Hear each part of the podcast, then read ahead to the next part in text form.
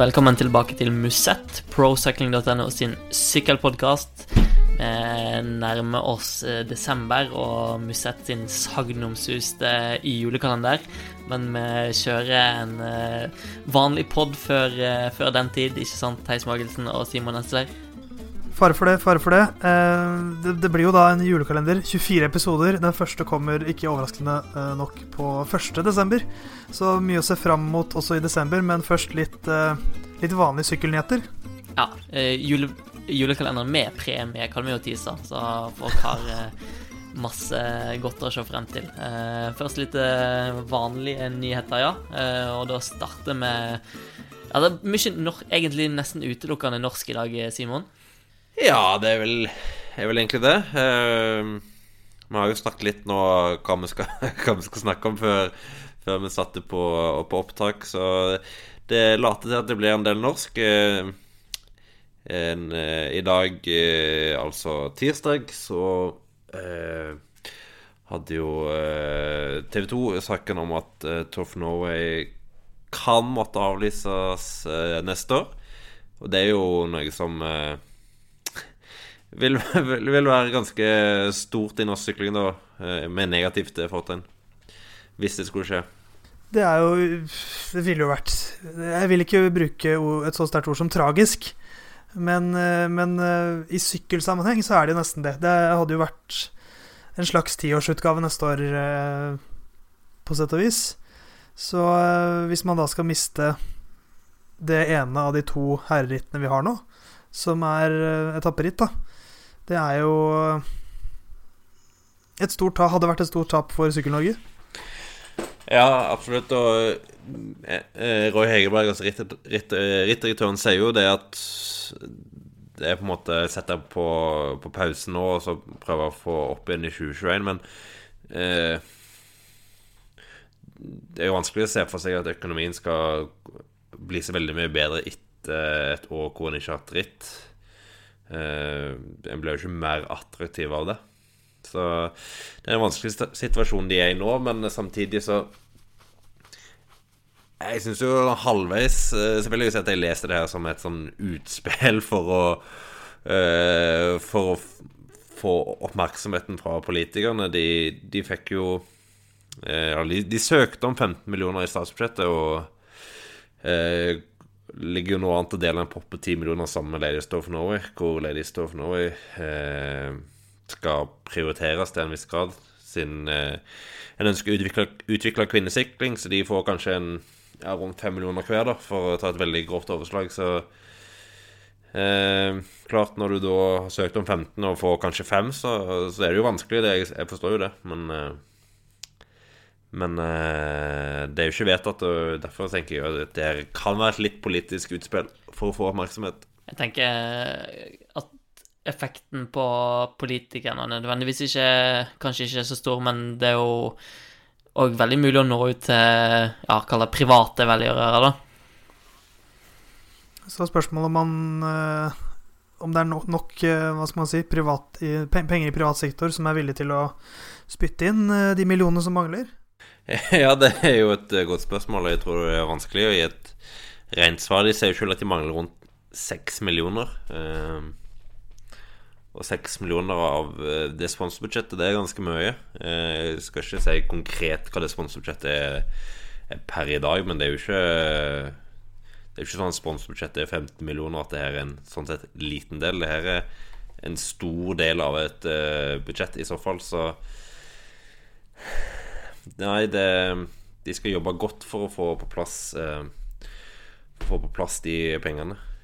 Nå er jeg ikke sånn Konkret konkrete eh, helt ferske tall, men i søknaden som Tuff Norway har sendt rundt eh, til, til, fylkeskommuner og kommuner, eh, i hvert fall i en, eh, i en søknad til, til, det som blir Vestland fylkeskommune, altså i dagens Hordaland og Sogn og Fjordane fylke.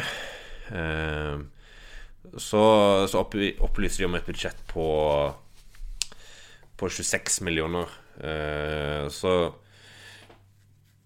hvor inntekter fra private bidrag, som de skriver, er, på 9 millioner. Og det Sånn som jeg forstår det, så er det da eh, du har rene sponsorpenger. Så hvis det skal få 6 millioner på toppen av et budsjettert 9 millioner, så sier jo seg sjøl at det er, det er veldig mye penger de skal få inn, da.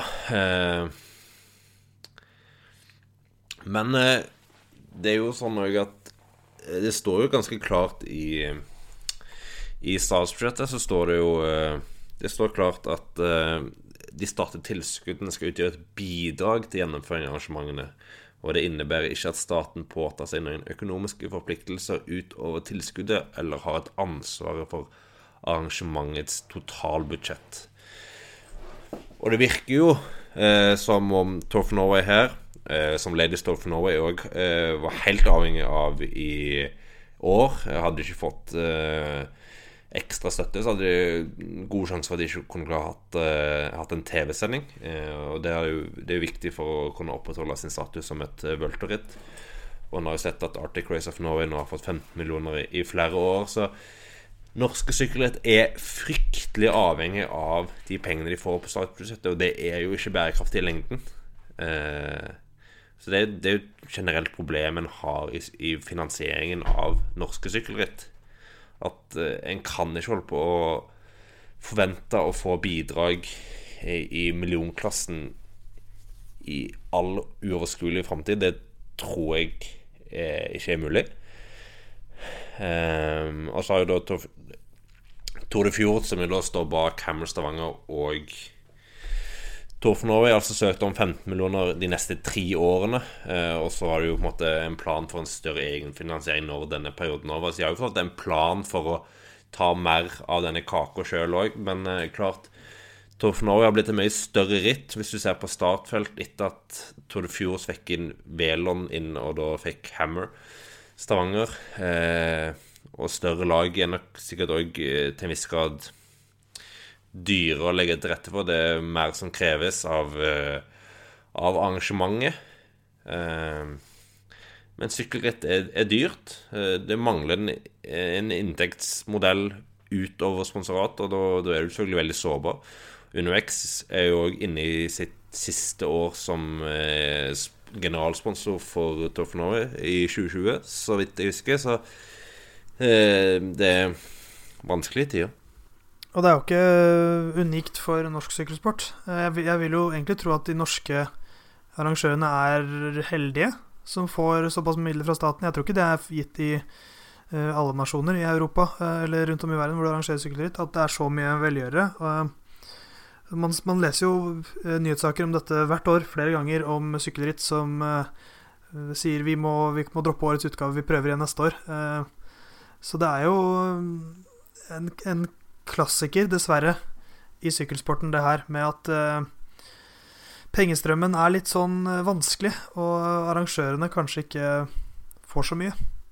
Nei, så Det er jo politikk på to fronter da, for, for Hegerberg og co., som jo da kjemper en politisk kamp inn mot UCI for å få omgjort uh, dette Hammer Stavanger damerittet. At de får plass til det på kalenderen, i tillegg til at de er i stor fare for å måtte avlyse Tough Norway pga. Uh, at de ikke har fått de pengene de har, de har, søkt om. Så det er mye politikk i sykkelritt òg.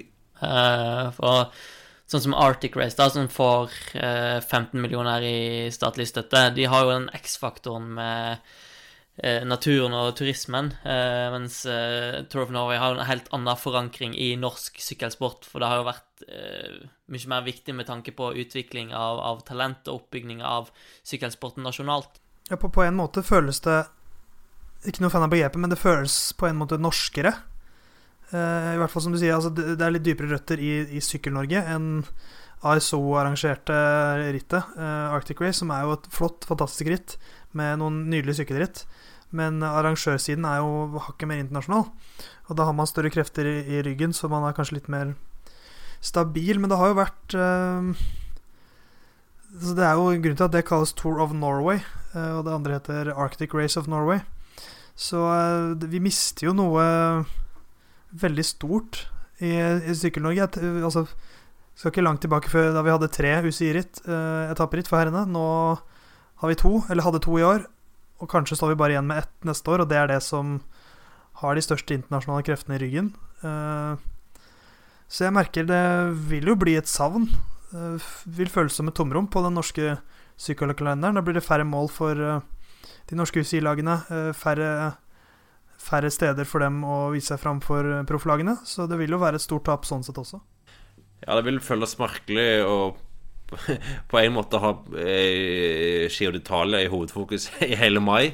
Eh, jeg er sånn litt vant med at Toff Tour of Norway stjeler en del fokus mot eh, slutten av uh, måneden. Uh, men ja, det, det har jo vært en veldig fin arena for uh, norsk rytter å vise seg fram, som du sier. Uh, og det er klart at når du kun har Arctic Race igjen, så, så begynner det jo å bli uh, mye vanskeligere å ja, kjøre inn de der voldsomme toppresultatene som du fort kan ha mulighet til eh, i, i ritter av høy klasse. da eh, Og Toff Norway har jo òg vært plassert veldig fint i den I den grad at det er plassert i mai, så da har du i, da, da, er ikke profflagene så satt, da.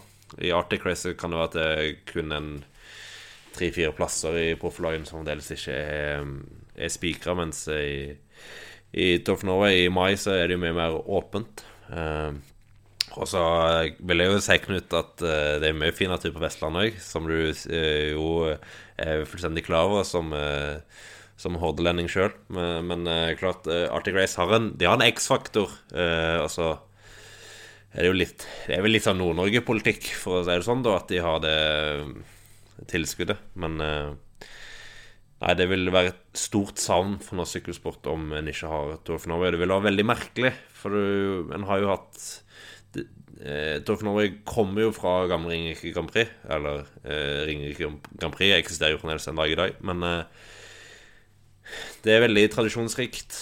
å og ikke ha noe, det vil være eh, merkelig. Eh, og så tenker jeg at Du skal ikke undervurdere snøballeffekten her. da Hvis Tour of Norway forsvinner, så vil det òg si eh, mindre eksponering for sponsorene av de norske lagene, som òg kan bety at de eh, bidrar med mindre midler inn i, i Team Coop, og nå har jo UnoX en veldig flott posisjoner, men eh, spesielt Coop og Joker, da. Ja, utvilsomt. Det er, eh, kan fort bli sånn at når pengesekken snøres igjen der, så snøres det igjen hos andre aktører også, som er kanskje vet at da får vi mindre avkastning på, på det vi investerer. De Veldig mange sykkelsponsorater er jo business. Og når det da ikke er like god business, så frister det kanskje å satse på andre ting. Så, så Også selv for Uno X, som er Jeg tror ikke det her gjør noe med deres ambisjoner, men også for dem så vil det være et stort tap å miste det et av de to største rittene de hadde uh, her i Norge, som de hadde å vise seg fram på. Det hadde jo vært en jeg vil tro at både Arctic Race og Tour of Norway hadde vært veldig viktig ritt for dem neste år, når de da har tatt steget opp uh, til, til proffnivå. Endelig kanskje kunne kjempe enda mer i toppen i de norske proffrittene. Uh, fort noen av de aller viktigste rittene de hadde syklet neste år. Eh, når de da bare får ett av dem, så er jo Arctic Race historisk sett det rittet der nordmenn har gjort det dårligst i sammendraget. Bare én norsk vinner der, og ikke så veldig mange i toppen heller. Mens i Tour of Norway har det Eh, vært eh, lettere for nordmenn ofte å skinne i sammendraget. Så stort tap. Eh, ikke bare, altså, ikke bare trøbbel for selve arrangøren, men dette er også noe som påvirker nedover i systemet. Mm. Og mm, både Arctic Race og Tough Norway sendes jo på, på TV2 Hovedkanalen. er jo Det er vel ingen andre ritt, Coop og Joker-sykler som sendes på, på TV2, vel? Uh, Hammer, nei, det er jo eventuelt, hvis de skulle ja, Hammer, men... Nei, de, ja.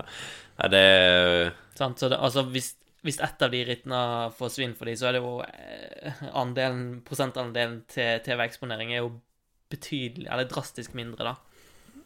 Ja, altså Hvis du har fire dagers skitt til Arctic Race og seks dagers skitt til Tour of Norway, så er det jo 60 mm. som forsvinner. Uh, sånn, liksom. Så det er klart det er skremmende for andre enn bare de som arrangerer det.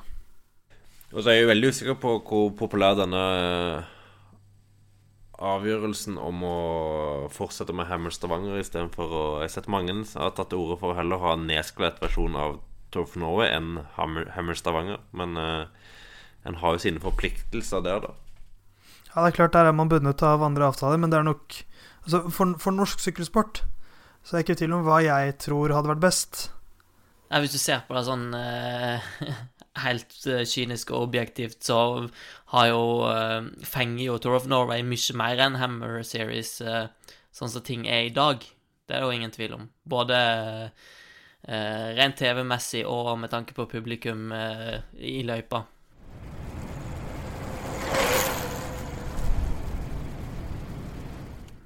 Fortsetter i et eh, norsk spor, for eh, eh, Ikke denne uka, men forrige uke så ble det eh, Ja, kall det endelig kjent at Kristoffer Skjerping er ferdig som aktiv syklist eh, etter han eh, ikke fikk fornya kontrakten i UnoX, som han fikk beskjed om mot slutten av august, så han jobba for å finne seg ny arbeidsgiver. Har prøvd eh, litt diverse, annet Rival, på kontinentallaget som Sindre Lunke, Kristian Aasvold, Sondre Holstenger, August Jensen sykler for neste år, men har ikke lykkes, så har nå tatt avgjørelsen nylig om at han ikke fortsetter karrieren.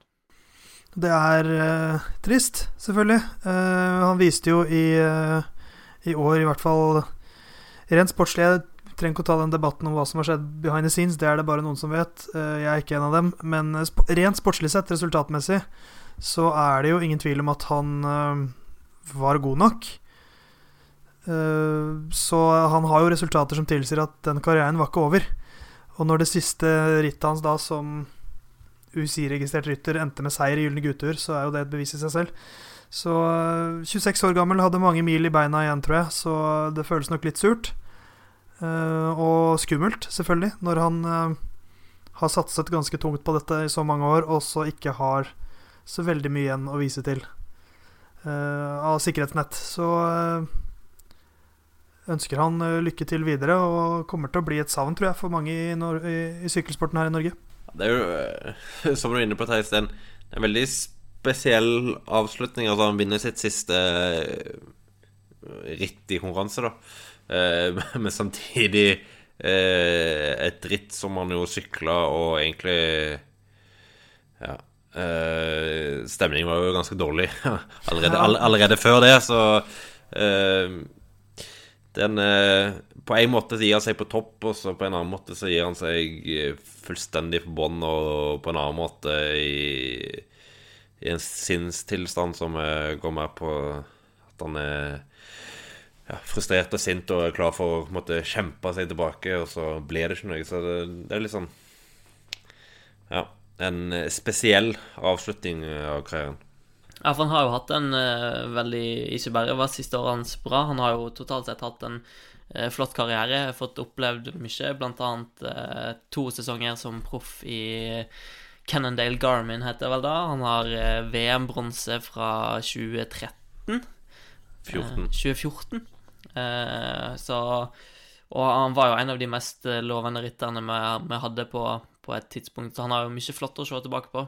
Ja, det året 2014 var jo helt strålende. Da uh, vant han òg en etappe i Tour Lavenir og ble nummer to i, i U23-utgaven av eh, Flandern rundt. Ble vel kun slått av uh, Dullen Grøneveggen i, i, spurten der, og det er vel uh, lov til å ta på en spurt mot han, så uh, har vist at det bor veldig mye i han.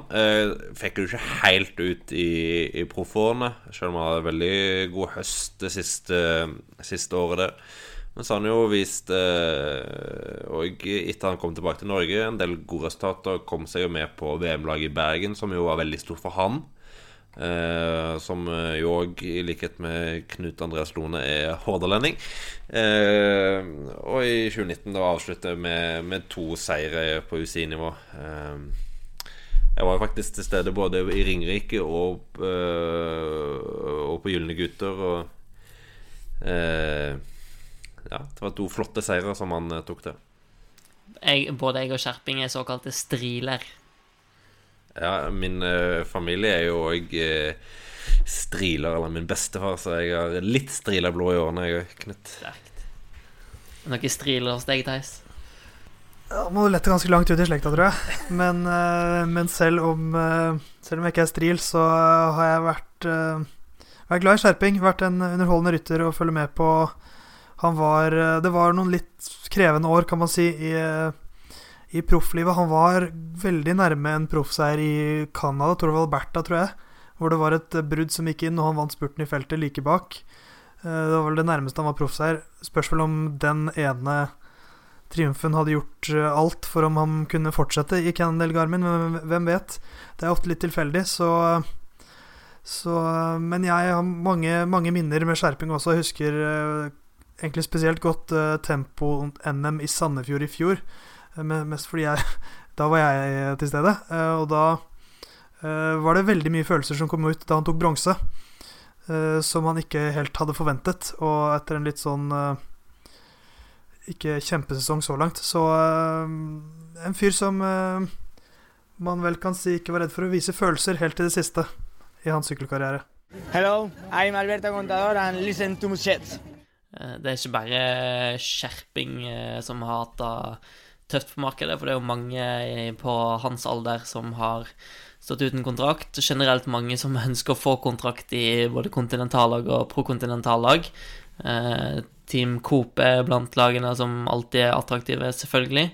Skjerping prøvde vel seg så vidt der, men det ble ikke noe for han. Eh, og Coop har jo ennå ikke fylt opp laget. Vi snakket, nevnte det vel litt i forrige podkast. Eh, de hadde åtte mann på kontrakt da. Har han måtte krype til korset og må signere ti mann foran neste sesong. Og da skal de altså ha to mann inn som ennå ikke er gjort kjent. Men det er vel to ryttere vi mistenker at det ligger an til.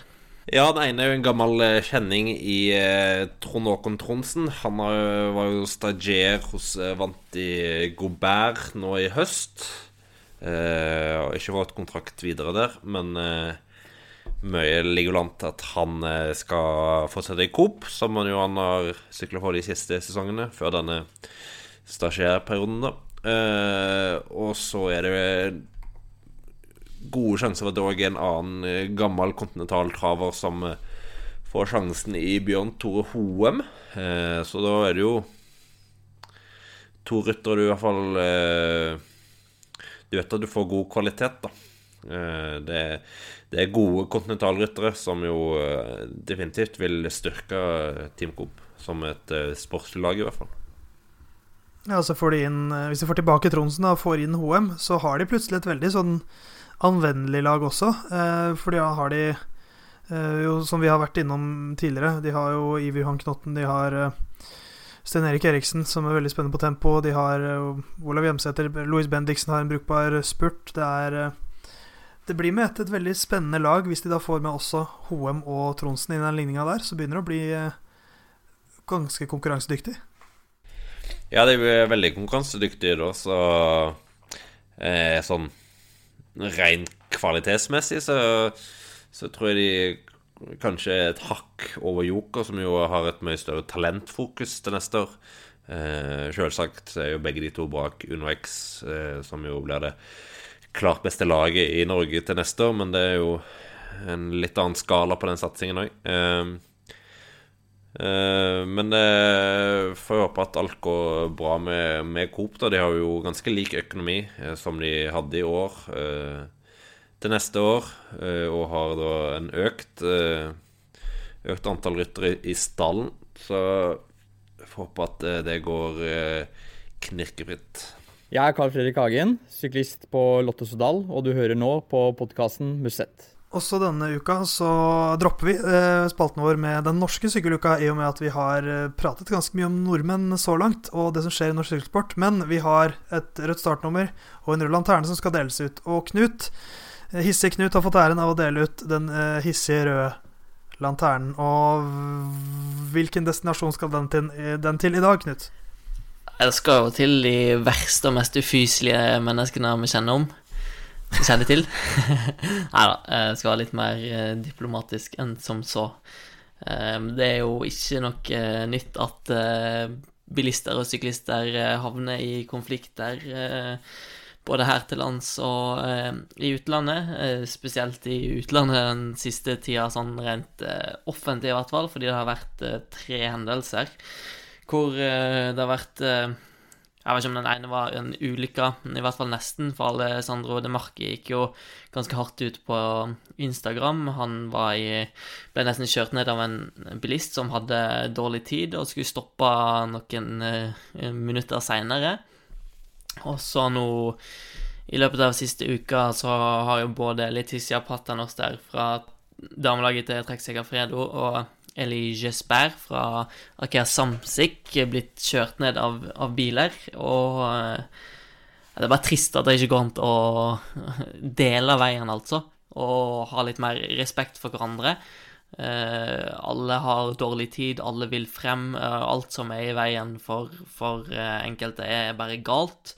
Uh, selv om det bare koster deg fem sekunder, og du mest sannsynlig taper de tar igjen uh, de fem sekundene kanskje i løpet av den neste timen, så, så har ikke folk tålmodigheten til å vente. Uh, selv om det kanskje går på bekostning av, til, bekostning av livet til noen.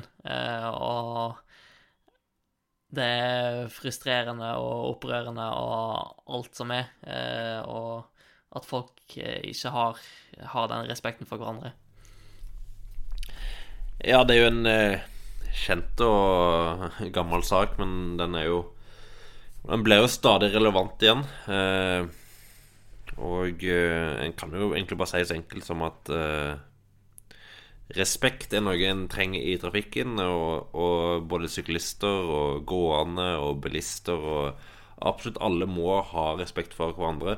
Og spesielt syklister og gående er jo selvsagt i en veldig utsatt posisjon de de tåler vesentlig mye mindre enn en bil, eh, for å si det sånn. da Og eh, som du sier, Knut, hvorfor du skal risikere andres liv for å tjene to sekunder som du kanskje taper i neste lyskryss uansett, det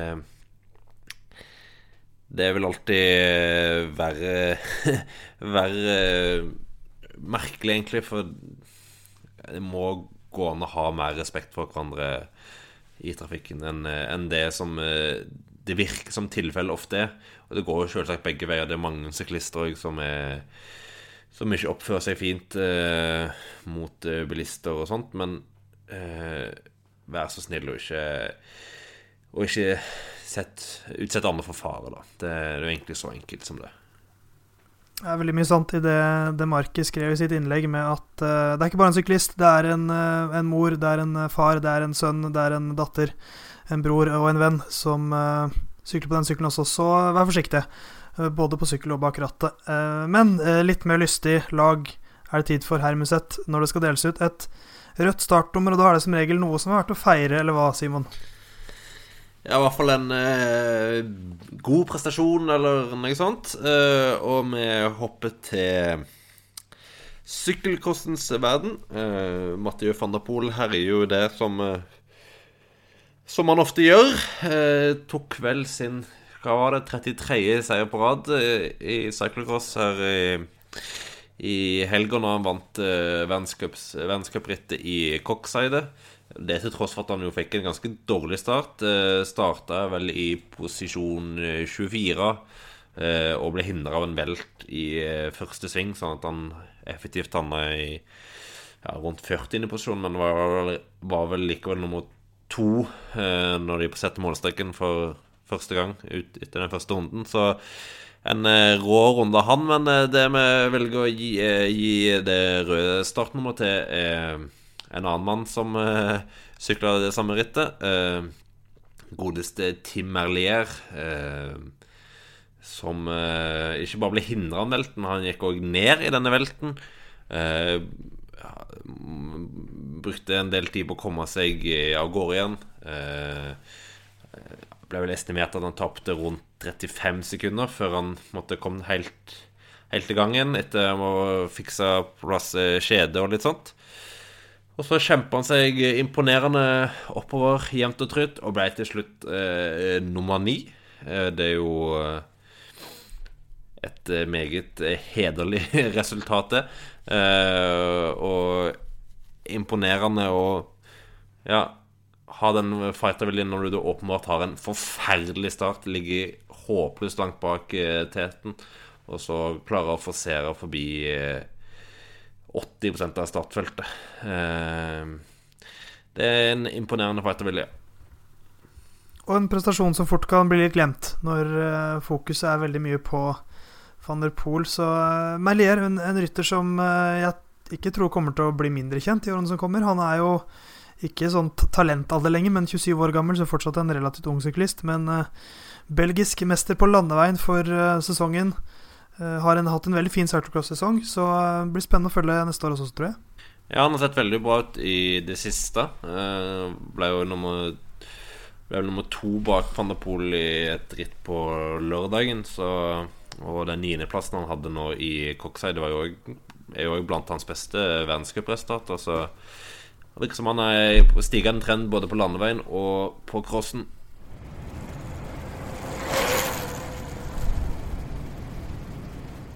Dagens eh, podkast går mot eh, slutten, men eh, først tenkte vi skulle innvie dere litt i hvordan eh, vår julekalender blir. Eh, Theis?